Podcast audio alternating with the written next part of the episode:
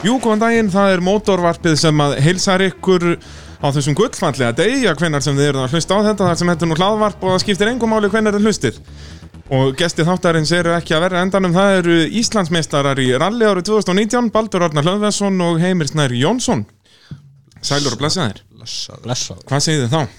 Frábært Já, þengi geggjað Og já, þið eru nú komin í ykkar sæti bara þið hafi nú báður komið að náður Já, Já, en ekki saman nei sem er náttúrulega synd á skoðum þú veist að þið eru svo mikla turtildúfur svona saman Já, það er eiginlega skellur að við höfum ekki verið einn áður sko. Saman Það er alveg verulegur og já, í þessum þætti ætlum við svona bara að gera upp eh, rally sumarið já, er það ekki, eru það er, er er, það sem er, ég- þið klárir í slægin í því að já, reynum að rifið þetta eitthvað upp þeir reynir, já, eru þið ekki búin að gleyma þessu alveg eða? Samt smá, já, maður reynir þú sást nú síðast hvað ég myndi vel eftir spurningunum Heri, já, það var enda rétt Það er nú mikið Það búið er- að Eh. gera grína með já, er það ekki það er stór hættulegt, þú ætti ekki að vera að mæta hérna það er, þú ert bara niðurlaður Nú, nú, nú, nú, nú er ég undirbúin ef þú Já, kemur eitthvað það er svolítið, spurningu. ég sé að þú ert búin að skrifa hérna niður rítgerða punktum og eitthvað, og þú ert strax farin að snögg svitna hérna, en mér líst ekki það á þetta. En hérna, mótovarpið er nú í bóði Abja Varahluta, sem er, uh, já, bara einn besta varahluta vestlun á Íslandi, það ekki? Þetta er líka orðið svo stórt þarna á Abja, þeir eru út um allt land Já, já, alveg geggjað með og náttúrulega ekki bara varahlutir, þeir eru með olíur og, og, og já, verkfæri og bara allan anskotan. Allan pakkan Já. Sápu og eitthvað með Já, sá, já, ég nákvæmlega Förtsvörurnar maður og Borg og Beck, bremsurnar og þetta er, þetta er indislegt Þetta er geggjað og besti prísinn, þannig ef að eitthvað amar að bílnuðinum að þá endilega að fara inn á abjavarahlutu.is með að kíkja bara upp á höfða eða hvar sem þú ert á landinu Já, og svo er náttúrulega KFC líka Já, Hvað eru þið að vinna með á KFC, drengi mínir? Það er mismunandi Það er, Ert þú svona, ég, Já, ég flakka svolítið já, flakka svolítið En enda oftast í Lundunum samt sko. Já, það er svolítið Það eru voða góða sko. Ég er nefnilega alltaf, ég vil lengar breytingar sko Nei. Ég var alltaf í barbíkjuborgarannum og er núna bara komin í, í, í vefjurnar Ég prófaði það eitthvað tíman og bara get ekki hætt Heimirinn já þetta eru bara tveir bitar Heit sósa og rásalat og máldu Já, þú ert bara gamli skólinn Já. Já grjóta Ah. Enga franskara en eitt sko. Nei, við tökum ekki þátt í ykkur svona, svona græmyndiskjaftaði Nei. Já, þetta hefur samt frásalandi sko. Og stóra sósu sko Og stóra, já, það er svolítið Og síðan endar á bara að drekka hana þá Og eða? svo mægis í lokin Hú, Þetta er rosalegt Þetta er rosalegt, já En það voru fjóra keppnir í sumar í rallinu og þetta byrjaði allt á söðunni sem svona eins og venja er orðin. Já, það er uh, yfirleitt fyrsta rallið Eða alltaf fyrsta rallið Það er bara verið fyrsta rally bara Allan að núna í ykkur átt árið eða eitthvað, það er ansið langt síðan að það var voral, sem sagt, PKR voru oft með voral og síðan kom söðunni þessar rallið sko. Já, þetta var það, já, ég man eftir einu ári reyndar sem Suðurnesjalli var ekki Það er rétt, já. Já, en það er orðið svolítið langt síðan sko. Það er mjög langt síðan Það er eitthvað 2009 eða eitthvað svoleiðis, ábygglega, tíu ár síðan. Ætla að sé, já Eitthvað svoleiðis, þá var klúburinn eiginlega alveg í- í steikjáðum hann. já, já, 2008 unnu við Pétur Dral held ég já. Svo 2009 held ég að það hafi ekki verið Svo, já, svo, já, svo verður þetta aftur 2010 Já, og þá byrjar klúburinn bara að Já, byggjast og upp. ekki ekki í dag sko. og er náttúrulega, já, já, búin að vera það líka núna bara í tíu ári já, rauninni. Rosa Það er virkur og flottur sko. bara með betri axtíðurutaklubum á, á, á landinu Alveg klárlega sko. og svo skottið þitt á Holmavík Já, það er mjög gaman ég náttúrulega hef bara ekki komið á Holmavík núna í 2-3 ár, sko. það er alltaf torfara á eigilstöðum sem ég fer að mynda eins og fáviti Við þurfum að breyta því núna já, það, ég held að þessu verður breytt núna Það Já, er við núna- verðum að gera það Þetta eru geggjaða leiðar sko. hvernig, þetta er svona smá Finnlandstemming svona fyrir þá sem að fylgjast með heimsveistarkefni rally, er þetta ekki hættu svona mjög hratt og, og svona breyðir vegir svona eða að hluta til kannski Já, sko Þorskafarheiðin og, þó- og, og hann að Vassfjörnissi, það eru mjög hraðar en svo er Eirafjalli kannski já, það er svona Það er pínu svona gróft, grófara, sko. já, já, meira en, tvisti en Þorskafarheiðin er alveg geggið sko. Hvað heitir hann sem var ekki kerð núna í ár Hann er búin að vera kerðu öll hinn árin já, hérna, söttin hana Já, hann að hvað heitir hún? Nesið hann Já, sem að þú fórst út af já, hérna. já, já. Hún er geggjuð Það er alveg, hún er ríkalega skemmtileg En ég held samt að við getum ekki að hann aftur af því hún er held ég orðin eitthvað uh, er hún ekki bara hún ónýtt? já, ég held að sé eitthvað eitthvað frangvæntir hann Já, En það er samt alveg eitthvað nóg að leiðum þetta þannig að þetta er, þetta er skemmtilegt að vera þarna sko. það er eh, vonandi að ekki spreyti dagantalinu núna næsta ári þannig að þetta mun ekki allt uh, lenda á sömu helgi Já. og svo náttúrulega líka þú veist eins og að driftið var ofta að lenda á sömu helgum sko bæði rallið að torfæra sem þyrfti eiginlega að breyta líka núna og þetta drift er náttúrulega orðin bara einn stæðsta akstuður á Íslandi sko Rísa grein þetta er svona eins og ég hef oft nefnt sko, driftið er svona eins og kvartmílan var fyrir 40-50 árum sko, þegar kvartmílan var að byrja fyrst þá kom allir sko bara sem höfðu áhuga á bílum þú veist, á göttunum fór í kvartmílan, núna er það svolítið í driftinu finnst mér sko, að það er svona göttusnáðarnir, eins og við kjósum að kalla það Ég þarf að, prófa- ég, ég þarf að prófa að fara að driftsketni Ég hef ekki farið að eina driftsketni Þetta er nefnilega algjör snill núna, sko. sérstaklega núna þegar opniflokkurinn er kominn og þeir eru semst farnir að tandemdrifta eins og er kallað, tveir í einu Ok. að þá eru þeir byrjar að bjóða líka meir upp á mistök og svona, þá er þetta orðið aðeins meira aksjón þannig sko. og er bara algjör snilt en við erum að tala um rally Já, já, og það var náttúrulega á fjóra keppnir eftir Holmaði kemur allir Reykjavík já, sem að var bara frábær keppni já Fyrir okkur allavega Já. Gekk bara mjög vel sko og þrýr dagar Jeps yes. Jeps Þið eru í podcastnætti, sko, þið verið að tala eitthvað Hvað, fyrst, fyrsti dagur þá var þetta, já, hann aðeins breyttu til og þá var kert djúpa vatni fram og tilbaka Já, það var hrikalega gaman að, einmitt, að breyta til þar og, og fá, fá aðeins fleiri kílómetri inn í sem sagt, fyrsta daginn Já. þannig að maður alveg vaknaði vel Já. við það og eins og maður hefur líka oft séð á fyrsta degi, þú veist, það er alltaf allt talað um þessa einu ferð um djúpa vatn djúpa vatni fyrir það sem ekki vita, eru já, 20 km cirka og síðan voru hinn að selja þarna kannski svona 5 km og allir svaku uppteknir á djúpa vatninu og þeir voru svo uppteknir að því að það kerði allir bara svipa hratt þar en síðan voru menn að tapa sko 10-15 sekundum á hinnu stöðulegu Já, akkurat að það er oft svoleiðis sko, að það er náttúrulega hver leið skipti máli Já, það er- gerir það, já, það er alveg rétt og föstudagurinn uh, þá er Snæfisnesi, núna annað árið í röð geggjaðar leiðir þar, Já, frábæri leðar sko Og núna bættur við inn hítadalum einmitt og mjög skemmtileg leið og hérna þannig að uh, já, og berserkjarraun er alveg geggja það er bara það, er- einmitt, svo leið þyrft að vera bara 10 km lengri, sko. Já, það er svolítið svo leið þetta er alveg í gegnum og náttúrulega alveg þröngur vegur, hann er bara bílbreytt í runni Já, og í gegnum hraunnið, það má ekkert út að bregða þarna hún er alveg geggjuð sko það er um að gera fyrir þá sem eru öll að fara að ferðast um Snæfisnesi að kíkja á þetta, þetta er, og líka bara ógislega fallegt hann já, já, mjög, og þeir tjáltaði þetta Já, er það, heyrðu, já, ég held að ég hefði stoppað þar já, sko 2008 Já, þá vorum við að kera þetta í fyrst skipti og vorum að kera í berserkjarraunni og þá hérna gátu við bara kert helmingin að því að því að það var hérna flötin sem er þetta Já, einmitt. þá var það bara, þá var það bara einhver fjölskyldutilega og Já. allt morandi í tjöldum þannig að við þurftum að starta þar það er svoleiðis og það var þurrt veður og, og, og búið að vera þurrt í svolítinn tíma þannig að tjöldin fengur bara rikið allt yfir sig en þeim fannst þetta mjög gaman svo. Já, það, við sæmið mitt stoppuðum að mynda að, og við vorum einmitt að pæla bara vákvað verið geggja bara að sofa hér, bara gista hérna í tjaldi Já, já. En þetta er þá eitthvað svona tjaldsvegi já já það er eitthvað þarna, Við eitthvað hugsuðum einmitt, þetta er ekta svona fyrir eitthvað svona fjölskyldubóð eða svona Akkurat. eitthvað ættamót En algjör snilt og svo náttúrulega þriði dagurinn svona bara þetta venjulega í runni, það er kaldið dalur og, og það en þá var bætt við það núna já, bættu auksaríkjónum miðað við það sem var undanfærin hvað tvö, þrjú ár Já, uksarkinnir hafa ekki verið rallaðir núna bara síðan 2013 eða hvað ég þengi Maður voru, þeir voru kerir 2015 síðast held ég Já, í það er svoleiðis. haustrali, Í haustrali tvö- ekki, ekki alþjóra Ekki alveg á rétt, alþjóðlega Alveg rétt, alveg rétt, já, já Þannig að, að og svo endaði þetta príðisvel fyrir ykkur strákana já, já þetta enda alveg eins og við plönuðum um þetta Jú, en haustralli það endaði ekki alveg svo vel Nei, ekki nógu vel Að- að því að við erum búin að tala svolítið um djúpa þetta, sko. Jú, við baldur erum já, sko, hvað í alþjóralinu þá fengum við hvað að gera þrjárferðir um djúpa Já, og það klikka alltaf í, þessi- í, hver, í, í fyrstu ferðinni þá fór intercoolerhossan hérna inn á miðjudjúpa þarna í. mm lögum þá, leiðin tilbaka þá gerist aftur bara strax eftir svona þrjá kilometra frábært og svo á síðustu ferði alþjóðaralinu þá vitum við nú hvað gerist þar að það sem, að, það sem einhverju tveir vírar fór að slást saman og, Jú. og, hérna, Allt fór í steik og okkur til hérna mikillar undrunar Jú.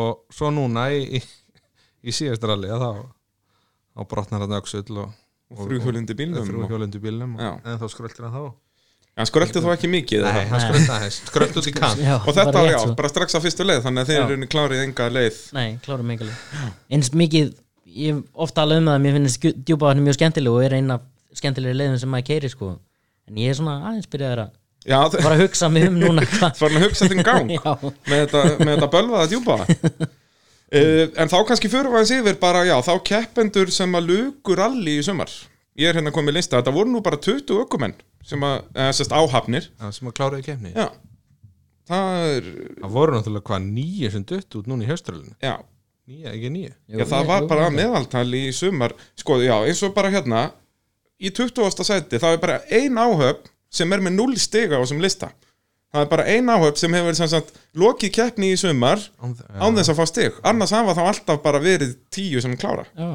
og það er Sigvartur Sigurðsson og Svavars Márásson sem að voru í eppaflokknum núna í höstaralinu já, uh, svo kom að Getas og, og Sel, Silvinas á Subarunum þeir fengu tvö stig í, í sumar já, náttúrulega koma nýjir inn eru frá litóðan Litáen og bara gerði þetta ógeðslega flott já, já, það var allt geðveitt flott í kringu það fannst mér kekkjaði bíl og snirtilegur og flottur og og bara einhvern veginn allt liðið hvernig þeir voru, sérst, allir bíla mertir og bara flottir strákar og vonandi bara halda þær áfram og ég heldur gera það, ég sá að þeir voru skráður einmitt í rallysbrettin sem er um helgina upp á, upp á rallycrossbraut og þannig að þeir virðast Það er vera bara- að nota þetta sko Já.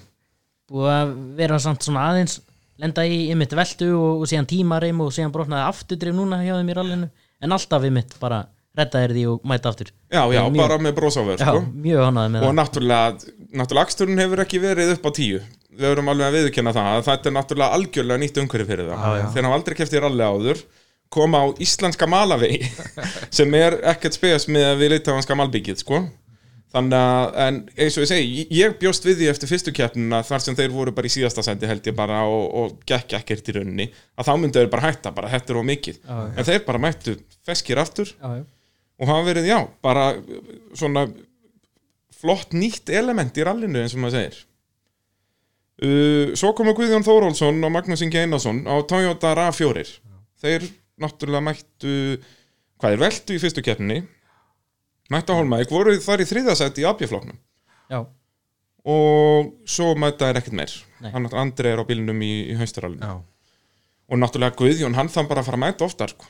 eins og segja, eina keppni sem að klára því að það er uh, þá er hann í þriðasendi Já, hann er rosa fljótur sko. og er gaman að sjá hann taka heilt sísón þeim sko. bara smíða annan raf fyrir guði Já, hvernig væri það? Ha, þið þurfum bara að gera það Þeir þurfa að hjóli það uh, Svo í 17. sæti í Íslandsmótinu Ég er náttúrulega bara horfað á þetta overall Það er náttúrulega, var í rauninni bara einn flokkur fyrir utan overall Já, það er náttúrulega A og B sem er mesta þvæla sem ég veit um Já. Út af það er ekki bílar, já eða, sem sagt, Þetta yrði flott ef þetta væru axil í tveir flokkar Já, já. en, en það er ekki svo gott þannig að það er, við erum að horfa á hildina hérna uh, og 17. á Eiríkur Kristinn Kristjánsson og Hilmar Pétursson og það er í rauninni svipað, þú veist, þeir þurfa bara að keppa oftar finnst mér, Mhm. Eiríkur hefur alveg hraðan svona þannig séð sko, en bara já, hann er ekki nú duglegur að mæta Nei, svo er þetta náttúrulega þegar menn eru kannski mæti einu, tvær keppnir á ári þú veist, þá er svo erfitt en sem sagt, þú ert hraður en þú þarft alltaf fleiri kílómetri til að vera ennþá hraðari já, þannig að, hérna, þannig að maður kvitur bara sér strákar en að finna sér spons og peninga til, að til að mæti heilt sísón þá, þá held ég að nú flestir verði nú hraðir á endanum sko. Paldur, þú náttúrulega hefur er alltaf verið að keppa bara í beit, þú hefur aldrei tekið þér einhverja pásur Nei. en þú veist, heldur það væri ekki óþægilegt að vera, jú, að keppa alltaf einu og einu að keppna, þurfa alltaf að koma sér í gang aftur Jú, ég held að ég held að, ymmit, maður finnur það líka bara eftir síðustu keppnina þangar til, þú veist, næsta tímabil byrjar, Já. hvað maður er ymmit, þú veist, bara mann langar að fara að keira og þú veist, bara að byggja upp þetta aftur já, þótt og þú sért svona, ma- nýbúin svona þannig séð, sko. óöryggi eða þannig Já, að já. það- maður er svona, být- já, er ég ennþá með þetta eða Já. svona, Þannig Ah. það er nú máli sko. og bara ta talandur um okkur sem við, við erum búin að keira mikið sko, bæði baldur og ég mörgum keppnum að þá eins og um helgina, okkur fannst við ekki fá að keira nóg, Já. skilur þú veist, þú veist við vorum hann það veist, og klakkaði svo mikið til að Já, fara já. í ísaskálan og annað Akkurat. og, og það er alveg pressu lausir já Va- Þannig að- hvernig var svo tilfinning? að mæti keppni og bara geta fýblast það var öðrísi sko Já, en þú veist, er það ekki mjög skemmtilegt eða? kannski Jú. sérstaklega undir þessum kringumstöðum að eru það orðnir Íslandsmeistar já, já. það væri Þetta kannski var- öðruvísi ef það væri ef það ættu ekki möguleik á Já. titli Þetta var einmitt öðruvísi, þú veist, stressið var alveg til staðar og svona, þú veist, að fara að keira en, en það var ekki þetta, þú veist, bara álægið sem sagt að þurfa að gera eitthvað vist, þú veist, reyna að vinna eða eitthvað, þetta var bara að fara og hafa gaman og, og við erum reyndar eftir að, að hérna setja innkarð á hérna netið eða já, eitthvað já, að því, Já, þú veist, það, já, um leið og- það, það var skemmtilegt moment hann í andan, segðu Já. mér að um leið og þetta gerist að, að hérna að það kemur eitthvað í, í bílinn ég við vitum ekki hvað er en stýri verður eitthvað, eitthvað skrítið og síðan bara eftir nokkra sekundu þá dettur hjólið undan bílnum og við förum út í kant og, og það var, þú veist, tilfinningin var jú leiðilega að þú veist, dett út og horfa á dekkið skoppa eitthvað út í móa en, en þú veist, ég samt þakkaði heimi bara fyrir sumarið og við fórum út úr bílnum sko. þetta var svona, þetta var öðru síð það var ekki pyrringur, við bara komum okkur út úr Já, bílum í bara- rólandum og Svona er þetta vorum svo í ömulega veðri upp að djúpa að það er hann að græða bílinn sko. En ég var kynningur ekki neitt, ég var út allan dag ólíkt sko því sem við lendum í til dæmis í haustranli fyrra skilur, þegar við lendum í að sprengja dekkan síðustu leðinni, Já, þá var náttúrulega var svækkelsi rosalega, já, já, í, í slagnum um Íslandsmeistarvæntitil þannig að, hérna, þannig að þessi keppni var kannski svona laus við þessar hérna, þessar hæðir og lægðir í þessu Já. sem maður er- sem maður er náttúrulega leitast eftir sko. Auðvitað, ég meina það er Ef þú voru mjög pyrraðar við að tapa þá verður ennþá glæðari við að vinna já, já, Það er bara svolítið svoleiðis, sko þannig að það er þannig sko. Uh, 16. voru Almar Viktor Þórólfsson og Haldur Jón Gretason uh, með fjögur stig sem sagt overall en þeir voru náttúrulega að keppa í abjufloknum og keftu bara tvær keppnir eða ekki jú, bara Suðunesja og, og hérna og og, núna Austral, Austral. já. og Almar styrlustæðrind Almar er eini keppandinn til að skora stig sem aukomaður og aðstofaraukomaður þetta sísón þannig að- að Almar að gera gott mót Já, heldur Þetta betur. er eins og Um við komum í staðið eftir nokkra mínútur, þá var hann líka að keppa sem aðstofaraukumæður, en það, þá er hann ofar á listanum, sko, ól segur uh, Svo náttúrulega í 15. sæti kemur legendið sem er hver E- ekki samt Ísa Guðjónsson þessi er meira legend, vil ég minna sko. Dali, heldur betur heldur betur í 15. sæti í Íslandsmótunum Já. svo lit hvað er hann með, hann er með 4,5 stig Já, og orðin, já hann mætti í alþjóðarallið ekki í fyrsta skiptið nei, Og fyrir þá sem ekki vita, þá er Örn Dali Ingólfsson 82 ára gamall Já. og er að keppa í rálagstri eins og, eins og hann sé 17 ára er ekki hraðastjókumæðurinn, verðum að viðkynna það en það er gaman að hafa kallinn Já, það er bara svo gaman að tala við hann sko. já. það er bara og ég tók nú viðtal við hann eftir djúpaðatun núna síðustu leið í, í rallir Reykjavík og hann sagðist vera hættur þetta hafi verið síðasta keppnin hans það er skellur Já, þetta er náttúrulega, en hann hægir vissulega svolítið á keppnunum Já, það gerir það. það, viðurkennast. það má ekki hafa mikið af viðsnúningum ef að Dali er með út og þá tekur þetta h- hálfan dag sko. en, en indislegu karakter Já, heldur betur og var mættur á Suzuki Swift núna Já, á bara sportbifrið með, hann er yfirlegt á trabant kallinn mér finnst fannst hann svona að horfa á hann ekki mikið traðamunur verði ég að Nei. segja trappin, ég held að trappin sé bara betri er hann búin að hérna, hver er búin að keppi í flestum rally reykja í kemnum það er góð spurning ég veit það ekki það er ekkert sem ég hata meir í lífinu en að segja að ég veit ekki eitthvað um motorsport þá verður þú að komast að þessu Ég verð að hjóli þetta Það er erfitt samt sko, svona heimildir er erfitt að grafa upp sko, þá þarf ég að finna alla ráslista af rally Reykjavík keppnum og það er vesen sko. já, Það er svo auðvelt að finna sigurvegar og eitthvað þá bara leita maður í bladagreinum og já, svona já, sko. já, já. hittu við, ekki, hittu við þig þá ekki bara næsta sumar eða? Jú, Fer bara í ég þetta? fer núna bara í eitthvað skemmur og drast að leita í papýrum Við sjáumst bara hérna svona í mæ cirka. eitthvað er þetta ekki, þú veist þetta er Siggi Brei, Dali Jón Ragnars Jón Ragnars náttúrulega keft Jón hlýtur að vera með þetta sko. Jón keppir í raun í öllum keppnum bara frá 75 til 2004 fjögur eitt, tvö hann náttúrulega tekur pásu er, já. hann endar með Baldri 2004 já. eftir að hann verið í pásu í eitt ár þarna, já, ég segi það, þú veist, Veist, já Deli Jón er líklast með það hlýtur að vera, sko. vera sko. bæði sem mögumæður og aðstórukumæður, Já. sko. út af því að það var aldrei stoppað, sko þannig að, að ég myndi gíska á það við Baldur þurfum bara, hvað, tala saman eftir hvað mörg ár þetta er svona bara, 40? nei, ekki einu sinni svo mikið, Nei, bara nei. 30 eða eitthvað 30 Já, Það, ég minna, þið verður ennþá fyrst og flottir þá Já, Þið verður ekki orðin 82 ára, þannig að það er engin afsökun nægan tíma Uh, svo er það Kristján Pálsson og Egil Andri Tryggvason þeir áttu bara svona solid season fyrsta tímabilið þeirra Já. já, kláruðu þeir ekki allir kemnir sem þeir fóru í það Nei, ekki haustralið núna held ég Nei, já, Nei, þeir ég- duttu út á djúpavatni núna, já Eða ekki? Jú, fyrir fram að mig, eitthvað ég veit ekki, einhver vélabilun eða eitthvað þeir fóru á stað aftur, sko og síðan stoppuðu bara 100 metrum eftir það Já, já Ég held að það sé einar alveg Já, sem þeir- kláruðu þeir á Holmavík Já, Já, ég held að þeir eru skráðir með 0 stig over all ég er náttúrulega verið ekki á staðnum, þið verið að segja mig fréttir Ég manna það ekki sko Nei En, en a- eins og ég segi, bara þeir eru náttúrulega ekkert að kera hraðast En Nei, nei, voru bara að gera þetta vel eða ekki bara, þú er veist, það ekki líka svolítið líkillin á fyrsta sísón Bara svolítið að samla reynslu ég held það sko En Já, það búin náttúrulega, þeir verða aðeins að bæti í ferðinu næsta ári, sko Það gengur ekki, út af þeir voru alltaf Það- alveg það gerist hægt og rólega Ég svona. held þetta það. er flott að gera þetta svona núna eru þið með, jú eflaust, ja, eins og þú segir bílinn bilaði hann hjá þeim á djúbáttinu Já, þú veist, Núna- þeir eru með heilan bíl Já, Þeir eru ekki búin að velta honum 40 sinnum, skilur þannig að núna er bara græjan aðeins betur þá fyrir þú veist næsta tímabil og Er bara, ekki líka pressa á þessum bíl? Hefur hann ekki orðið mistari 2-3 eða? nei, ekki þessi bíl einu sinni, jú, Guðni var mistar á Guðnum að hann mista ránum, eða ekki það er bara Hver var meistari? tvisvar Hver Já. var, var skafti ekki mistari fyrra? Nei, Óskar var Óskar var mistari fyrra meistari Já, fyrra. já, já, já. En þú veist, það er, ef við ætlum að fara að segja heitu Svo erum við um bíl, förum við frekar að tala upp krossin sko. Hann hefur, hann elskar góða skurði og veltur og drast þessi ágæta bifrið Jeps.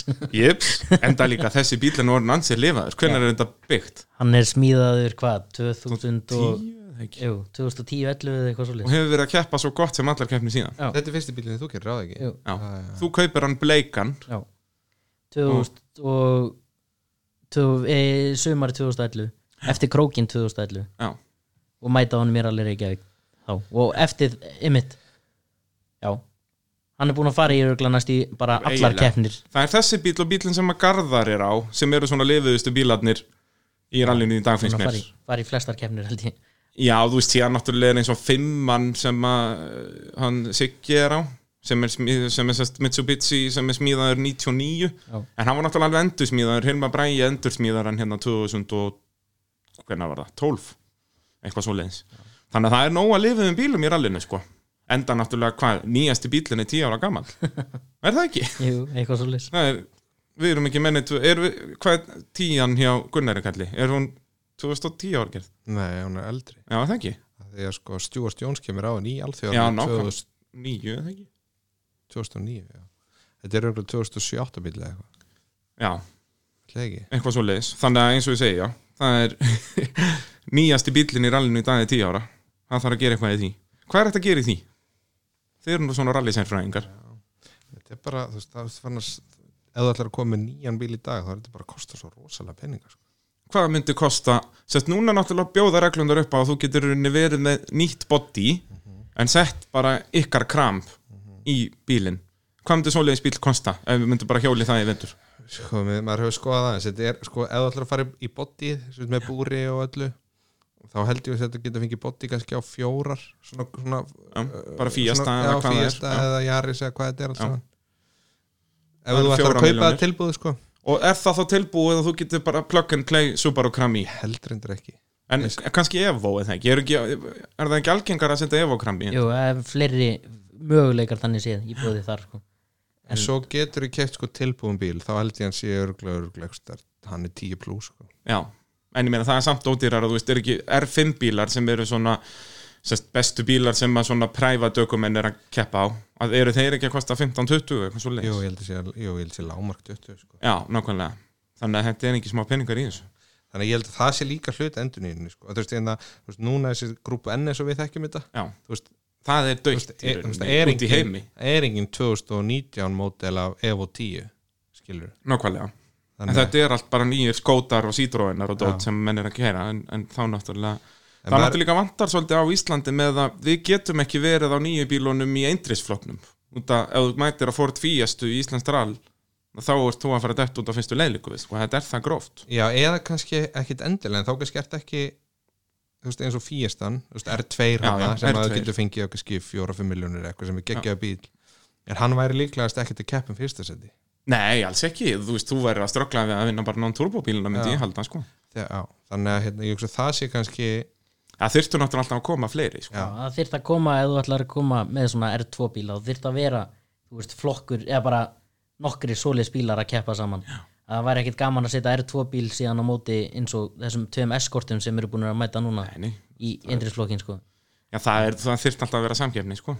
nema að þú hafi bara það mikið passion að þú vilt bara gera þetta uh, Siggi Bræi, Sigurður Bræi Guðmundsson og Ísa Guðjónsson þeir voru í 13. seti í Íslandsmótinu þeir skoririnu bara stegja í Holmavík enda það er í þá- 5. seti Já, er það ekki, en þá bíllinn svona tiltúlið í lægi er það ekki jú, og náttúrulega bara fyrsta keppni sem að Siggi Bræi klárar í þó nokkuð tíma já En í raun, hvað vantar þarna? Náttúrulega Siggi, hann sýnir það alltaf, hann kann alveg að keira sko. þá þrátt fyrir aldur já, já, en þú veist, vandar hann ekki bara eitthvað aðeins svona betra lið í kringum sig, virðist vera þess að það er einhvern veginn alltaf bíllinn svona hálf sjúskaður eitthvað á því þetta er bara þröstur Já. þrjá myndu fyrir hann Jó, ég held að bílinn sé samt alveg ágættur núna sko. já, hann er það, ég er nefnilega að tala við Sigur núna í Rally Reykjavík og hann talaði um að bíllinn bara er, já, góður sko, hann er að hérna, þetta er líka bara kannski tímaleysi gæti verið hann náttúrulega bara á heim í Kína og Já. eitthvað já. Ekki, já. þannig að það er, það er nóg að gera uh, Ívar Öld Smáraðsson og Einar Hermansson, þeir nældu sér í nýju stig núna í, í haustrallinu Já, voru og ef- ef mér síndist rétt voru þeir að fá mér þess að eitt stig á ofurleðinni overall ok, vel Voru- gert og Ívar er svona aukumæður, hann þarf bara að taka full season Já. ég, hann væri alveg í slagnum á toppnum í AB varalitafloknum já, hann væri það sko hann er búin að sína það sem sagt hann náttúrulega kefti ekki til sömur nema í haustaralinu endar þar í þriðansætti í AB uh, kefti síðast bara í haustaralinu í fyrra og var þá í toppslagnum þegar hann datt út Já. þannig að, að já, hann þarf bara að taka full season Já, hann þarf að gera það Hann var í vesinu líka í fyrra með, með bílinn eitthvað öxla vesinu og alls konar svona En þegar bílinn var í lagi þá var hann, var hann í toppsætunum hann í AB-floknum Já, algjörlega uh, Svo kemur Vikar Karl Sigurjónsson og Almar Viktor Þannig náttúrulega Almar fór með Vikari og skoraði stegum með honum Þannig að Almar náði að sk- skora hérna með bæði sem aukumæður og aðstofaraukumæður En náttúrulega Vikar fór líkar með legendinu, Ísaki Guðjónssoni Og þar með verður Ísak eini aðstofaraukumæðurinn til að skora stegum með tveimur aukumönnum þetta tímabil Ísak Guðjónsson, Ísak fór ekki fór með ekki hann. með hann Nú, Nei, hæ, hann var skráður með honum er það ekki? já, já, það bara glimtist á að Nú glemtist hann út í kanti Nú það er svoleið, ég held hann að farið með honum Nei, það kom Ég, eitthvað ég er bara fréttamaður, hætti þið Já, það kom eitthvað upp hjá Ísaki á, á fyrstaskvöldinu þannig að hann komst ekki með honum Það er svoleiðis þannig að, hérna, þannig að Vikar fekk með sér hérna, hérna jó, ég man bara ekki alveg hvað hann heitir Nei. strákurinn sem fór með honum, en Ísak fór ekki með honum sko. Nei, Ísak var líka skráður bara með honum á internetinu Ég horfi bara á internetið Ég er ekkert eitthvað inn í bílunum Hætti þið einhver að grína mig En það, ég talaði myndi við Ísak hérna um, um kvöldið sko og spurði hann hvort hann var eitthvað meikur, hvort að eitthvað geti fara að ná veltumetun af honum sko, og hefur ákveðið að skrása það með vikari Já, Vikari er náttúrulega þekktur fyrir að vera á topnum Já, hann, hann hatar það ekki, þetta er búin að velta hann velti nú bara einu sinni í árið það ekki bara aðdáðan að verðt hjá Vikar sko, mætir Ég veit, alltaf já, og líka bara í rally, hann er að keppa í rallycross í tveimur flokkum og mæti með bílan á síningar og bara hann er allt í öllu bara þvílíku metnaður Heldur betur, en það það er sko, líka- en þú sko, ef þú ert að selja eitthvað í mótorsporti þá er það annarkot gummisnur eða vikar sem kaupið það Já, það er svolítið hva- Þú veist, vikar, hvað á hann marga bíla með veltibúri? Fimm eða eitthvað? eða ekki, jú, hann á, hann á, hann á tvær hondur tvær hondur, tvo súpar, nei þrjá súpar Þrjá Subaru. já, það er ég Já, fimm bíla með sem veltibúri við vitum og svo Já, erum við, við höfum aldrei komið í kjallarinn hans, sko. Ha. og svo náttúrulega glemtist að kennanum að vera neikvæður það var mikill hraði í þjóðfélagin á þeim tíma þegar hann var allan upp og þetta bara eitthvað sem glemtist þannig að, að það hafði bara hann er krónist jákvæður já, já, sem er svo sem alveg fínt, ég kvart ekki nei, við erum að vera jákvæðir ég heldur betur, hann er indislegur uh, Ragnar Bindi Gröndal og Emilja Rauð Tólmastóttir, Ragnar Bjarni uh, Íslandsmeistari frá því í fyrra já, og það bara gekk ekkert upp í ár nei, að sko þeir náttúrulega mætti ekki hausturlið nei, nei, uh, fyrsta rallið, já, þá Fyrsta rallið, brotnar brot. brotnar hann eitthvað spinna eða ekki og, og svo farið að Hólmavík lenda Lenda í þar reyndar, þriðja, ég lendi það ekki? þriðasæti sko, en þar lendaði ég bensíndælan en ég hugsa nú alveg að þau hefur mögulega náð öðru seti þar ef að bensíndælan hefði ekki Jú. bensíndælan var í einhverju, Já, hann við var- lánuðum þeim hann að bensíndælu Jú, það kom, jú, kom upp þannig á, á hérna hestakleifinni Já. Þá kom upp bílun bara eiginlega strax í byrjun Já. á leiðinni hann hefði tapað alveg dágóðum tíma Já, já. Það, en, en annars kerðan Holmæk fyrir utan þetta áfall bara mjög vel sko og svo alþjóri náttúrulega lendir hann byrja að velta er samt þá í, er hann ekki í fyrst sæti þegar hann veltir? Jú. er þá í fyrst sæti þegar hann veltir? endar fyrsta dag 23 sekundum og undan ykkur og valda Já, já, akkurat við vorum, Þannig að- já. það hefði verið hörku slagur náttúrulega Já, og eins náttúrulega með Valdimar, hann náttúrulega gjá sem lista út hann kláraði enga keppni já, en náttúrulega það var náttúrulega stendi í rosalega slag með leikar á síðasta daginn það hefur verið rosalega gaman sko við baldur, emi, vorum að diskutera það sko í morgunin, ættu við að slást við hann eða, eða hugsun titilinn og það er bara svo gaman að kera hratt og við, ég hugsa að við hefum nú örgulega slegist við hann sko en þá Já, líka sennilega. veit maður ekkert með þessa bilun hann sko já, já, nákvæmlega Þannig að- en, en Þá hafa hann kannski náttúrulega komið upp fyrr og allt í steg Já, og... svo náttúrulega kom bara í ljós bara eftir fyrstu leið að hann hefði alltaf hann og, og mjög leðilegt sko, því að við vorum alveg búin að peppa okkur upp í daginn sko. Já, nákvæmlega, nákvæmlega En engin smá velta þarna hjá Já, Valdimar á, á, á rosaleg. tröllars Þetta er bara eitthvað út úr bíómynd sko, náttúrulega sá þetta enginn sko, en bara ef maður horfir á hvernig bíllinn er að það er ekki, einu rispunar á honum er afturhendin, Já. hann fer fram fyrir sig og án þess að rispa hútið á topp þannig að þetta er bara eins og í einhverju Batman bíómynd, Já, þetta var sko, þetta er líka á svo hröðum kabla þarna, þú veist, þú ert að koma bara þú veist, þú ert að bremsa, þú er 170-80 niður í beigju og mér skilst hann hafi verið búin að retta beigjunni og þá Já, já. fær hann högg undir hann aftan sko. og kastar hann held ég svona upp á veginn einhvern veginn, þetta hefur verið rosalegt högg sko. já líka bara sjokkið bara allt í einu, ert að horfa niður á veginn skilur, þetta hefur verið rosalegt Ö, ö, ö, hvert er í komin? Jú, ö, Ragnar Bjarni þau voru í, í uh, tíundasæti, Ragnar Bjarni og Emilía uh, Óskar Kristoffer Leifsson og Brynjar Ömundsson þeir keftu náttúrulega bara í tveimur keppnum í ár eru ríkjandi Íslandsmeistar í AB varalutaflokki enda þetta tímabil í, eru þau ekki, í fj- jú, þau eru í fjórðasæti í AB níundasæti yfir heldina Já, það er nokkuð gott Það náttúrulega þarf ekki Óskar að kaupa sér turbóbíl Jó, ég held að ég held að hann gera það núna Er það ekki? Það, hann var eitthvað svaka fyrringur í honum en það er ekki fyrir tímabili núna Já, Já, það er það svo sem alltaf, þetta snýst Já, alltaf um bara peninga En þú veist, það er samt sko, ég segi það frekar að vera sko áfram í non-turbo og mæta, heldur en að fara í turbo og mæta ekki. Já, Af því að þetta er náttúrulega, þetta, þetta er meira slit og kosta meira. Og, já það er þess að kaupa turbóbíl og gera það með hálfum hug í rauninni já, það er ekki, þú veist, það, það er aldrei, þá er bara skemmtilegra frekar að eins og Óskar gerði núna, þú veist, mæta þess að akkurat, tvær svona sko. skemmtilega og stóðdýrustu keppninar já, og stóð sem svo heitja, meina hvað, er hann var hann annar í flokknum núna.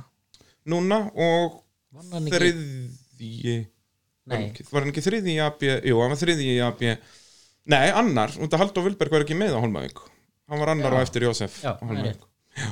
þannig að, já, hann þarf bara að kaupa sér turbo Mm. Það er bara hér með skorar mótavarpið á hann að kaupa sér turbo Hann gerir það. ég trúi ekki hérna síðan bara að gera það í þessum tölu orðum Ég hugsa það. uh, Garðar Hugur Gunnarsson og Óskar Solmundarsson einn í AB var hlutafloknum þeir kom inn í tímabilið bara svaka sterkir Garðar, þú veist, hann er búin að núna vera að keppa alveg síðan hvað, 2015 eitthvað svo leis, á þessum bíl Já, hefur náttúrulega verið í kringum þetta löngaðurinn ég fættist já, já.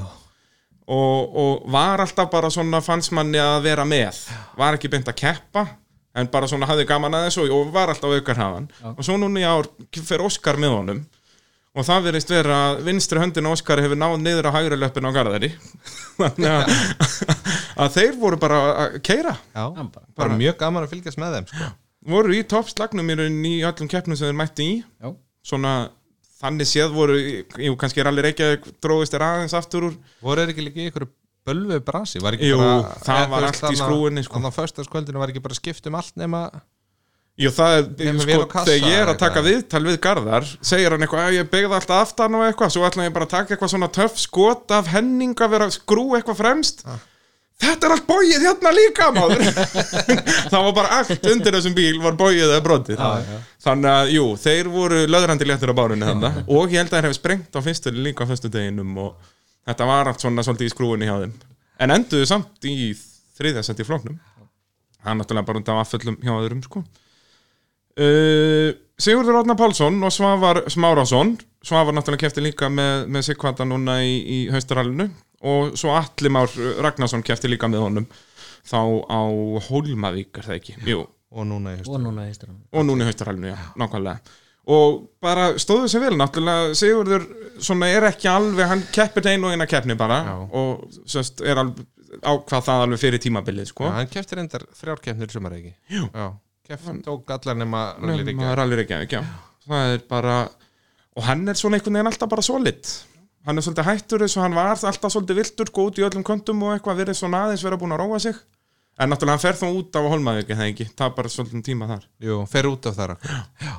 og, og, en svona annars já er, verið staðans vera búin að róa sig niður Já. og er bara svona já Keiri bara vel, sko og, en þetta er náttúrulega bílinn já þetta er Mitsubishi Lancer Evo 5 sem er smíðaður 99, já, hann er smíðaður fyrir tímabili 99 Já, þannig að þetta er orðið hans í lifað já.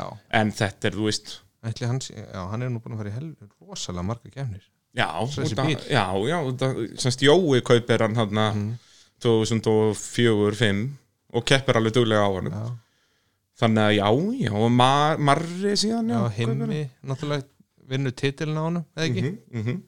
Er ekki bílinn sem Siggi Bræði var líka Siggi Brei Já, vinnur Siggi titilin á bræði honum vinnu titil, já, já, þetta er legend þessi bíl, það er bara svo leiðis uh, uh, uh, uh, uh. Þá er það næst uh, Daniel Sigurðarsson og Asta Sigurðardóttir Þau endi í sjötta seti í Íslandsmótinu Keftu í tveimur keppnum en náðu bara stígum í, í öðru rallinu, Þau náttúrulega vinna hólmaðungurallið Já, nældu sér þar í 16. sigurinn á ferlinum þar að segja þau tvö saman og eru þau þá næst sigursælustu sískinni í sögur allsins og sigursælustu sískinni eru þess að Ómar og Jón Ragnarsinnir Já. og það er náttúrulega báður þessar áhafnir eru með þrjá titla þannig að- að þeim vantar bara þess að tvo sigra til að jafna Ómar og Jón Og eitt titil Nei, þau eru sem sagt, báðar þessar áhafnir eru með þrjá titla þannig að sem sagt, til að jafna Ómar og Jón Já, já, já, já. þurfa þau tvo sigra viðbót en þurfa þrjá sigra á eitt titil til að bæta sem að, Það gerist já það gerist ég er alveg, Danni mun ekki vakna morgun og hafa finna, finnast það rally leiðilegt sko. það er enga líkur að því þannig að, að, að það er bara, já, hann er náttúrulega er hann ekki einn hraðast ökumar á landinu ef ekki bara samhraðasti ég held að Jó, ég hugsa sér þið ætluðu kannski að sanna eitthvað annað núna í höstarallinu þegar ekki Jó, við ætluðum að reyna það, sko Hann, Já. hann náttúrulega raskelt okkur á Holmæk, sko já. Bara á fyrstu leið, sko Við baldu vorum bara Já, en, en hérna, jú, jú, ætluðum að reyna En við En þetta var svona kannski meira á ykkar heimavelli núna, djúpavatnið, svona ykkur hafði liðið betur að vinna um þar og engin pressa náttúrulega. Já, já, en þú veist, þetta ásamt að vera þannig að þú ætti alltaf að, þú veist, rallyökum ára alltaf að geta verið fljótur hver sem er, sko Já, já, Þannig að, hérna, en, en ég held bara það voru bara allir svovandi þetta morgun og Danni bara vissi það og tók svaka láði og vann rallið bara þar já Hann bara, fyrir morgun hérna á Holmæk já, og þú veist, bara ríkalega vel gert, sko og svo bara held hann dampi og, og, og, og Hann er náttúrulega ólsegur hann er geggjær, sko, Það er bara- hann er ótrúlega flinkur, sko, að bara En, Það er en alveg svona tekið já, á. markmiðið ykkar var svolítið er það ekki fyrir haustralið að, að ná að vinna danna Jó, það var svona En það ekki, það var svona gullrótin Já, það var það sko það hefur verið gaman, sko Já, Við- en það, það er reyndar ekki verið erfitt sko ef við hefum klárað því hann, Já, já, það- hann lendi hann sko í endaði tvílíku í- brasi sko já hvað er, sko ég frétti að hann sprengt á fyrstu leið En tíminn síndi hann tapaði sko tæpum 8 mínútum Þurfti hann að umfælga það nei, sko, já, nei, nei, sko hann, hann hljóp upp á vestæði Já, en það ekki, ég held, ég held sko hann væri með varadekk ekki felgu og síðan bara umfylguna við í en skottinu sko, en sko málum með Danna hann getur stundu verið svolítið kærlus Já, og hérna ég held að það hefði vantað sérst heslubissin í bílinn það glemtist yfirferð það hvort hún verið þar og skrallið sem var sett í bílinn var víst eh, ónýtt já, það er frábært Þannig að hann nagaði felguna þannig að þetta var víst eitthvað eh, eh, Eitthvað föndur eins- þarna. já, þess ásta segði við mig, þau sló heimismyndi ég verið lengi að skipta um dekk Já, sem er náttúrulega, og Danni var náttúrulega líka svolítið að brasa við þetta í rally reyngjæðingi fyrra já, þegar hann sko kerði og kerði og kerði á sprungnu og skipti síðan um dekk þegar það var kilometri endamark já, og alls konar svona þannig að, að það, hann getur bætt sig í þessu þá veit hann allan, hann getur bætt sig í ykkur já, já. en sko, bara ekki bæta í þessu því þá verður mjög erfitt að vinna hann. Já, já, ég meina ef hann hefði verið mínútið að skipta um dekk hann eins og náttúrulega heimsvæmstærakeppni í ralli það er magnað að fylgjast með þessu þar þegar að menn eru sko að ef þeir tapa einni mínútu og 30 sekundum á að kera á sprungnu eru þeir alveg brjálaðir Mhm. mm -hmm. þeir vita 100% að þeir geta skipt um dekk á einni mínútu og 15 sekundum Mhm. bara það er bara standardinn þannig að en á Íslandi sér maður ekki mikið af þessu Nei, sko, við, þetta er alltaf svolítið þrjár mínútunar hérna já, sko, við Pétur náðum þessu á 2 mínútum og 15 sekundum á mælifestal 2008, Mm. sem ég vil reynda að meina að þá töpuðum við Pétur titlinum á því að skiptum þetta dekk, ég er samanlega því af því að við það áttum var alltaf að alltaf klára stutt, leðin já, var þetta ekki líka aftan nei, þetta var reyndar hægra meina fram var þetta framan, nú ok en það sem gerist er að við sprengjum dekki tökum svona vinstri beigð sem halla vittlust förum út úr henni og þú veist, okkur bregðu bara við það og þá bara "Ah, skiptum bara dekki Já. bara svona þú veist, Já, að- bara, út af þetta er náttúrulega svo mikið í gangi, ég sko. veist, en í staðin fyrir 8 gráði það voru 2 kilometrar eftir að leiðinni sko. Ég minn, ef þú verður að keppa með Petri í dag, hafðu verið samt ánum með steinhandan kæftin á klára leiðin. já Það er bara, en þið náttúrulega voru báðið svolítið nýjir í þessu. já, já, þannig að voru við þannig að, þannig að maður læra reynslunni Já, og það er nú, þetta er við rallið að þetta er svo mikið, þetta duður ekki bara að vera að kunna að keira, sko. Að þetta er svolítið stór pakki. þetta er bara sama og við Baldur lendum í núna á Jökulálsinu og heldum að vera í sprungimastu Já, já og ég sagði bara strax við hann við skiptum aldrei um dekkið þú veist, við bara frekar keirum hægar við við höfum tapað minna því Algjörlega En svo náttúrulega eins og Skafti uh, og Gunnar Þeir sprengja í bara eiginlega byrjunin á Jökulhálsinn með þeir ræsið Ólasvíkur megin Já, og hann kemur fram hjá mér ég er bara rétt eftir virkjunina ég er kannski svona fjórum kilometr minn á leiðina Já. hann kemur fram hjá mér þar á sprungnu og hann skiptum dekki fyrir framann föður minn sem var alveg upp á Jökulhalsinn Já sko þeir höfðu áhyggjur að því sko þeir sprengja náttúrulega mjög snemma Já. og þeir höfðu áhyggjur að fara niður allar hægubeginar já, en, en hann hefði líklega stand bara tapað minna að fara hægra þar sko Já, ef það er orðið sprungið þarna þá eru örugglega ekkert eftir af dekkinu það sem Nei, hann sem stoppar sagt, það sem mér fannst að hann hefði átt að bara stoppa strax sko. Já, já, já. út að hann stoppaði hvað sem er út að hann tapar ábygglega ábygglega tveimur mínútum á að keira á sprungnu allan þess að leið hann keirar ábygglega tíu kilometra á því sprungnu já, já. En það er kannski, þú veist, leiðin laus eitthvað, þú veist, þetta var já, síðasta já, já, ferðin hann, tal, niður. hann talaði um það Já, sko, já. að hann held bara, hann fattaði allt og seint að hann var sprungið sko. en þetta er eins og ég segi, reynslan sem að- að að kikkarinn þar Hún er nefnilega dýrmætt sko já uh, svo koma Jósef Heimir Guðbjörnsson og Guðni Freyr Ómarsson sem að voru Íslandsmeistarar í Abja Varalitaflokki en þó yfir heildina eru þeir á eftir Haldur Vilberg, Haldur Vilberg Ómarsinni og Valgarði Tómas Davísinni en Haldur Vilberg var náttúrulega í öðru sætt í Íslandsmóndinu Já, en út að Haldur var sem sagt í þeim röllum sem hann mætti í, að þá var hann oftar sérst ofar overall, en það náttúrulega það skiptir engum máli, það er titillin sem skiptir máli Já, já. og, og náttúrulega, já, ég veit ekki af hverju Haldur Vufberg sleppir Holmavík hvort hann var að pæla þá bara eitthvað að ætlaði ekkert að taka alla keppnir eða eitthvað svoleiði sko, en mæti svo er alveg Reykjavík já, og enn náttúrulega sem sagt, hann er með 64 stig Jósef vinnur með 78,5 þannig að ef að alltaf gaman að ef og hefði í motorsporti ef að, að Haldur Vöberg hafði mætt og verið bara annar á eftir þeim á Holmavík hafði Haldur og Valgarður orðið Íslandsmeistarar en já, þeir mæta ekki þar nei sem er skellur Ákveðin. Já, það- það hefði líka náttúrulega verið hörkuslagur um Íslandsmóti, þetta var náttúrulega eiginlega búið fyrir haustaralið, Jósef bara svona þurft að klára Já, jó, þeir dönsuðu samt Já, eitthvað á línunni þeir bara, það var einbeittur brótavili í gangi þarna Þeir bara ætluðu ekki að klára Nú skulum við beigja og brjóta allt undir bílnum Já, já. Það er ekki sjens að við klárum En einhvern veginn tókst þeim að klára Já. Enda líka, ég talaði við servisið þeirra sko eftir þriðju ferðina eitthvað á djúpa vatni Þeir voru allir bara nál fölir í framann Bara, hvað er maðurinn að gera? En þú sko aðstæðanar að djúpa þetta núna um helgina voru skröldlegar sko. Þær voru alveg sko þú veist, aðstæðanar voru alveg til þess að klúðra hlutunum Mhm. sko. Algjörlega, rennandi blögt og, og bara gróft Og náttúrulega, já, búið að fara nokkur rallyleiðir eða sérst, rallyferðir yfir þetta í sumar sko og, og, Og Ég náði nú ekki kæri ísaskólan sko en mér skilst að hún hafi verið eitthvað grófur á köflum sko. Þannig að, Já, Sæmundur ljósmyndari, hann sprengdi tvötaktar bara á, á fólkspilnum sínum bara við að mynda sko, Já, eða það er sem sagt- svoleiðis. Já, já, bara sem sagt ekki núna heldur í, í Rally Reykjavík sko. já, já, já. En við viljum meina það sem Jakob Sesil að, að kenna sko. Þetta var fyrsta rallið eða, sem sagt, já, annar rallið jú sem að Jakob myndar og fá, hann fór með Sæma og þetta var allt hans megin sko. Já, já. Já, já. Þannig að það er lungu honum- vita, þetta er já, Jakob það að er honum kenna að sko. kenna, Já, já. já, blessa það veit Hann veit alls, alveg upp á svo sökina En jú, bara frábær árangur hjá Jósef og Gunna, Íslandsmeistarar uh, Hvað, þetta er annað áraðis Jósef sem það ekki, Jú, fyrsta heila tímabilið Já. En Guðni þenkir þetta já, hann þekkir þetta. Hvað er, nú, þetta er titill númer, nú, hann hefur nú onni, hérna. Unnu, ég held að þetta sé sjötti titillans sem maður telur, Turbo. já, nei, bara í rally Eða, sem sagt, já, í, já, þetta er yfirleitt, já, í non-turbo síðan var nýliði ásins Já, já. þegar það var, það var náttúrulega bara svona djóktitlar einhverjir En í non-turbo er þetta fjóri. Fjóriði, já Eitt sem aukumæður, þrý sem aðstofar ekki.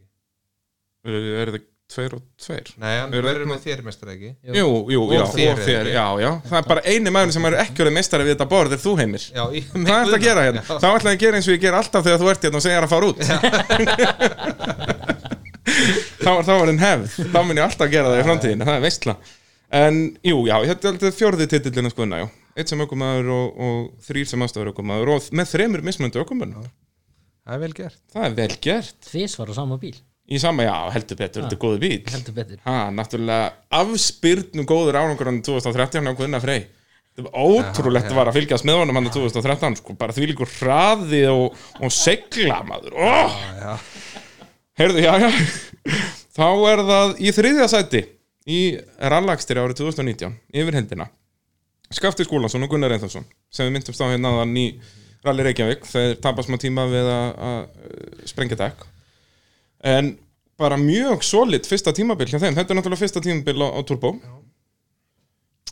og bara gekk, já þeir fara þarna út á Holmæk og já, svo er þetta bara nokkuð áfælla löst sko. og þeir smanna, smalla bílnum alveg nokkuð vel hann á Holmavík eða ekki þeir fara út af á þannig svolítið hröðum kabla sko. Já. og hérna jújú, jú, hún fór eitthvað illa sko. já, en það var bara að laga það og handa það fram já, já. og sem sagt þessi bíl, hann er alveg mjög góður eða ekki Jú, Það þetta er er, ekki- þetta jú, er bara- þá mjög- mjög er hann flottur sem bíll, sko. náttúrulega eldri ég meina þetta, hann lítur út eins og 95 ár gerði eitthvað sko, Já, já. en, en náttúrulega það er mi- mest megni nýtt í þessu eða ekki Jú, Jú, jú, það er flott, það er flott vél og, og, og orgi, bara ST-kassi og, og fín fjörun og, og, og, og hérna, þetta er bara mjög góða bíl sko. og hann var náttúrulega bara í toppslagnum núna í haustarallinu þannig að ja. þangat hann náttúrulega lendi í vesenni eins og svo margir aðrir Já, lendi hann ekki á síðustu leið eða var ekki bara slagum mill hans og Gunnarskalls Jú. svona, í, í gegn sko, gegn, svona einhverjar, bara pluss mínus 5 sekundur eða eitthvað eitthvað svoleiðis þannig að það verður virkilega gaman að fylgjast með honum á næsta ári Já. Mjög.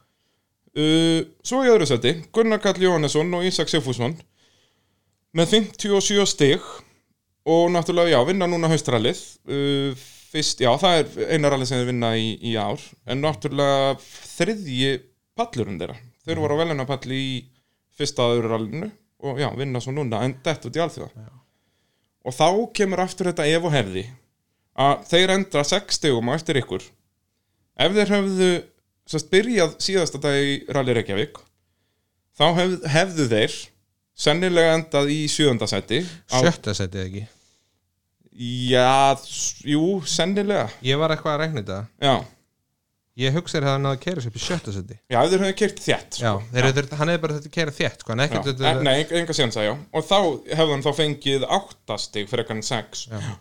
sem hefði dögðu þetta til og svo eru náttúrulega með power stage eftir sko, sem þannig að að hann hefði þá minna að tapa en þið og það náttúrulega fór allt í steik hjá ykkur það Já, ég reiknaði það allavega sko fyrir dagina því að ég, við bjöggumst við honum á lögadeginu Já, sko, ég frétti að hann hafi mætt upp í parkfermi og farið ég, að ég, einhver hefði séð hann þar, ég ætla ekki að staðfesta Nei, þetta ég- ég en ég þekki veit það að ekki, bílinn sko. var tilbúin ég bílum hef að það klára og staðfest. allt sko og ég reiknaði það út, ég, ég bjóst við að þeir fengi 10 til 11 stig já, Hann þá fengi átta- átta stigin já, og, svo, og þrjú. já, þannig að- þannig að það hérna, er þrjú fyrir ofurleðina þannig að, þannig að en alltaf þetta, ef að hefði þú veist, já, já, þú veist, þú veist síðan ef, hefði allt getað hvernig gerst. hefur við kert núna og allt þetta en, Já, já. en hann allavega gaf þess ekki sénsinn nei, sem að er mjög einkennilegt en ég meina það er einhver, einhver ástæð við náttúrulega, ég hef ekki tekið viðtálega ennum þetta ég get, ég get ekkert sagt þetta kennir okkur bara það að aldrei að hætta sko.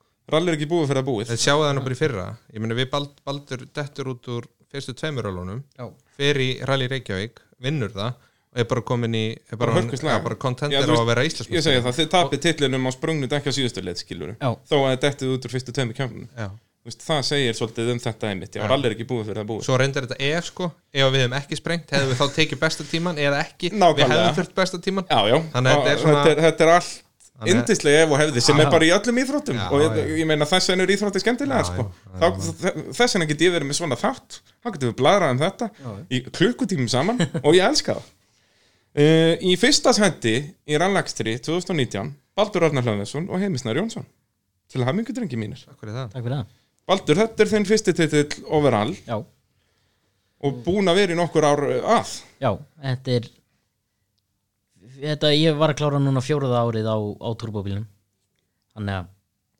og svona þriði árið sem ég hefði geta orðið Já, ef og hefði, ég myndi hana svona fyrsta ári varstu kannski ekki alveg Nei, þá var, þá var, svona vantað aðeins upp á þá var besti árangurinn í fyrsta rallinu samt á bílnum, það var annarsæti í suðunnesrallinu og síðan var þetta þannig mitt svona bara að safna kilometrum og, og reyna að gera ekki mistök einmitt þannig að, og síðan bara komið þetta svona hægt og rólega og náttúrulega hefur verið vesen á þessum bíl svona já, gegnum árin búið að vera, já, búið að vera svona svolítið svona smá leiðindi en alltaf, alltaf verður hann betri og betri og einmitt núna í ári er hann bara búin að vera mjög góður þangað til núna í síðasta rallinu þegar, hann, já, þegar þetta fór allt, allt í fjandans allt, uh, en þá er líka fínt að vera búin að tryggja sér titilin já, þá var það mjög gott sko það er hendugt Heimir, þetta er nú ekki alveg þinn fyrsti titil Jú, fyrstu titill og já, ráð. overall, en þú Já. náttúrulega hefur unnið flokkatitla alveg eins og Baldur svo sem. já, já, já. En, en já, þinn fyrsti titil overall og þú nú búin að vera ennþá lengur að Já, og maður er að segja að maður er fyrst reynd við þetta 2008 já.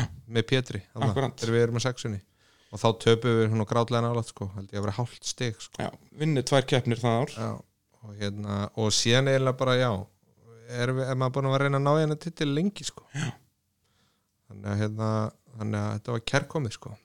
og hvað ber framtíðin í sköldið sér fyrir ykkur fullferð næsta ár já, ég held það sko. Eða, þú veist, ég menna við verðum allavega að gefa í sjansinu að verja titilin já, er það ekki, já, mér finnst það allavega það Þetta er er- vonandi að það fari betur en hjá Ragnari þú sérði ekkit fótboltalið pakka saman Káar er ekkit að fara að reyna ekki að ná í titil á næsta ári sko. nákvæmlega þannig, að, hérna, þannig að við verðum allavega að gefa í sjansin að reyna að verja hann er ekki orðið er ekki orðið eitthvað ár síðan eitthvað Jú, það hefur ekki gæst í þess að þið eru 50 mismunandi sigurvegarar á 5 árum Sest, var, hver var þið, var Baldur Harald Baldur Harald síðast, þá 14 og 15 já, já, já, við verðum allavega við verðum allavega að gefa þessu sjansin eins og Ragnar gerir núna náttúrulega og, og feilaði, það er náttúrulega já, var svona, gekk allt afturfótunum eiginlega hjá honum já. en, þannig að það en er líklega að klúrist en við ætlum að reyna að já, þetta er bara þau verða að rúlla teiningunum já, sem svo er þetta bara svo gaman sko. Þetta er það nefnilega það, já, Þetta er, þetta er bara, það er ekki hægt að hætta alveg strax sko. þannig að, þannig að bíllinn er góður og, og, og við betrum veitum hann eitthvað aðeins bara og yfirförum hann og Við erum búin að skrá mig núna í, í hérna byggamóti í rallycrossinu já í- á það er rallycrossinu. núna Redneck byggarmótið næstu helgi og hvetjum alla að mænta þangað það er náttúrulega verður uh, algjör veistla það fólk er byrjað að smíða bíla bara í tugatali bara, það er svo skrítið í rallycrossunum þetta stæsta keppnir alltaf við hausti til allir bílarnir eru smíðaðir í september í staðin fyrir að smíða það í mæ og teka, teka heilt sísón sko.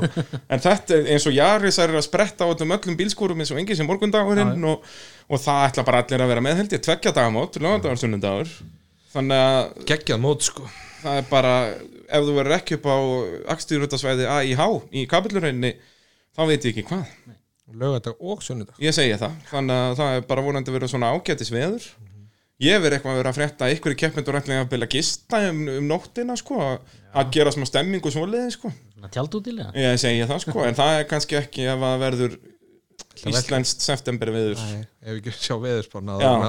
við erum búin að fá allt og gott sumar við erum skilist má rigningu núna í haust já, já, þannig að, að það er um að gera að, að skottast upp á, upp á rallycrossbraut nú ef, að, ef við tölum næsta ár förum að spá í spilin þar ef að þið verður að fara að stopna ykkur rallylið og ættu að setja tvær áhafnir á bílana, þið bara eruð að kaupa tvo flunkun í að R5 bíla og eruð hættir að keppa sjálfur og orðinu liðstjórar hvað áhafnir myndu setja í þessa bíla og þetta þurfa ekkert að vera þetta bara, þeir þurfa að vera sem sagt, á þeim aldri sem þeir eru í dag þeir megin ekki taka Ómar Ragnarsson árið 83 skiluru við þurfum að taka keppendur Keppin, já, þú veist, þeir þurfa ekki að hafa keppt í ár sko. bara þeir megin alveg taka bara Jón Jónsson og Frekka Dóri eða viljið það sko. já, já, það verður hendur geggja koma það verður rosalegt maður. Húi en, en sem sagt, já og, og þeir megin blanda saman ökumunum, aðstofarökumunum og, og hvað er bara Baldur, pressa á þér Já, heldur betur Hva, hver er fyrst áhöfn?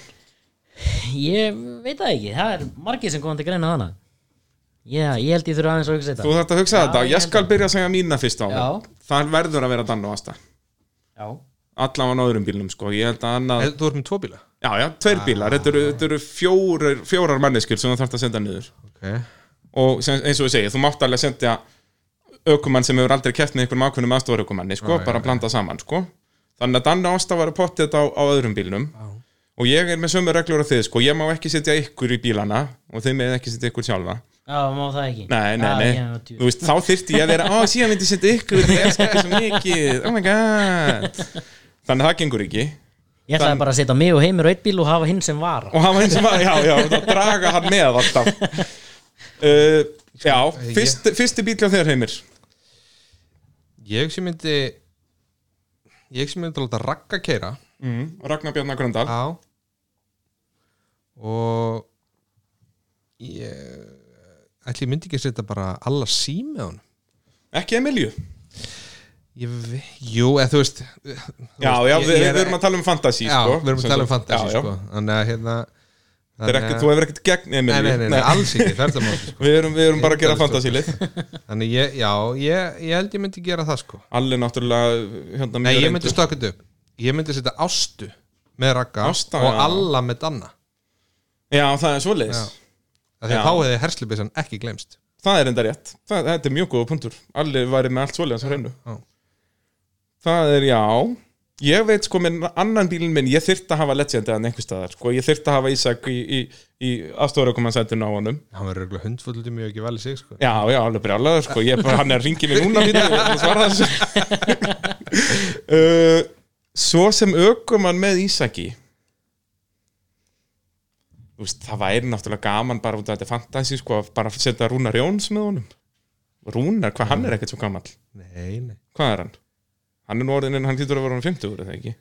Er hann orðin 50 Já, það Ég hef er ekki hugmynd. 60 og eitthvað held ég. ég, ég sko Hann er málega það fæddur- þó ég sé búin að vera í rally síðan 2006 þá, já, þá- Rúnar er bara fyrir mínu tíð sko.